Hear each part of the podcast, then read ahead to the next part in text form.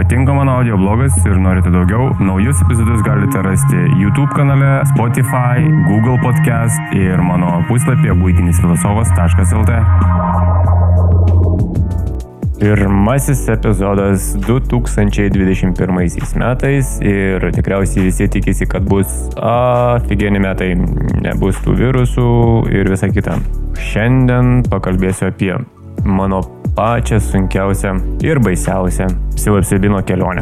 Ji buvo prieš pusmetį, tai dar buvo šilta, buvo vasara, tai buvo pati, pati baisiausia, sunkiausia ir stipriausia mano psilocibino kelionė, o taip pat ir pati naudingiausia.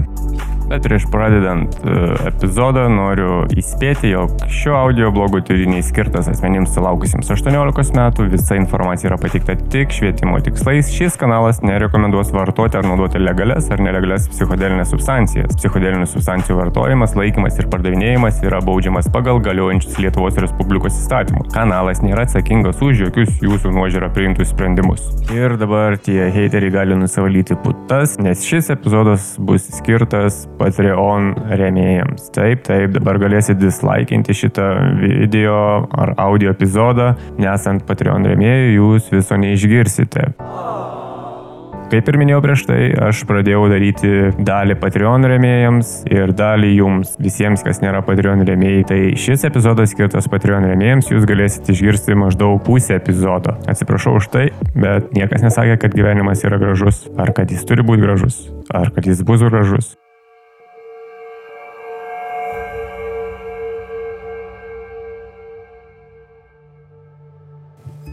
Buvo paskutinės vasaros savaitės.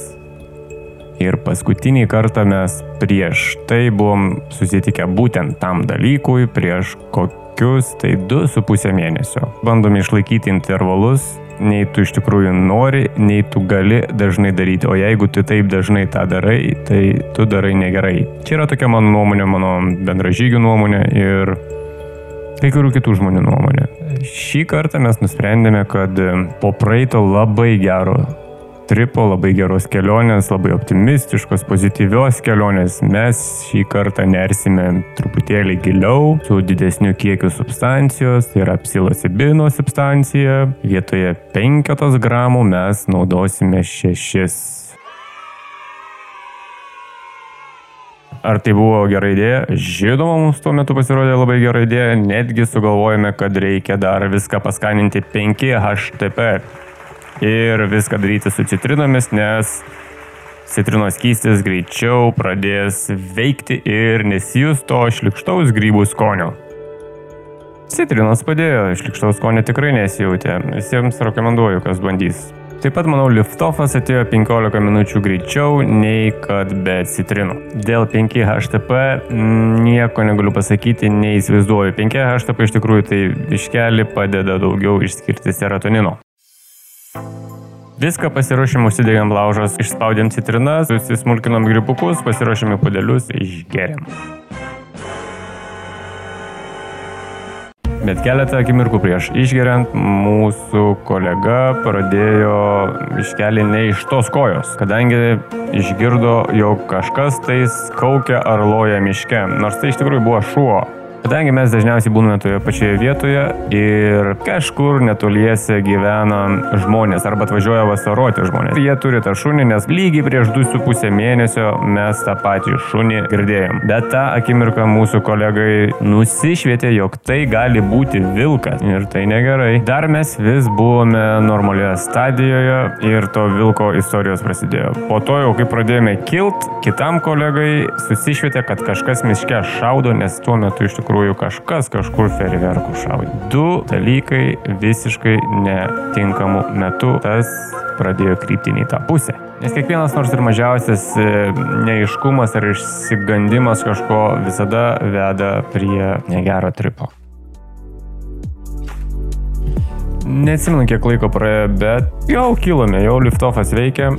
Atsimenu, sėdėjau prie laužo ir galvojau, mm, virutį šiandien bus nekas, nes mano kolegos kažkokius tai negerus dalykus galvojo, apie kuriuos mes turėtumėm tikrai negalvoti. Bet po to mes visi nurimome, buvome kažkur giliai pas save viduj, tiesiog keliavome. Kurį laiką, nežinau ar ilgai tai buvo, kadangi mes visą šitą dalyką darėme su citrinomis, tai citrinų rūkštis greičiau padėjo skrandžiui viską suvirškinti ir liftoffas vietoj kokių 45 minučių buvo pasiektas per 30 minučių. Ne pikas, bet liftoffas. Tikriausiai, kai pradėjo kai nedaug trūko iki piko, vėl vienam mūsų kolegai gimė idėja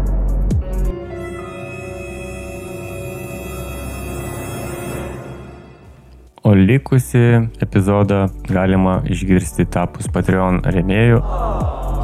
Aš labai atsiprašau už tai, bet kaip ir sakiau, darau dabar video ir audio medžiagą visiems ir atskirai Patreonams. Šitas audio buvo skirtas Patreonams. Todėl, jeigu norite išgirsti likusią istorijos dalį, teks tapti Patreonais. Ačiū Jums už tai ir viso ko geriausio.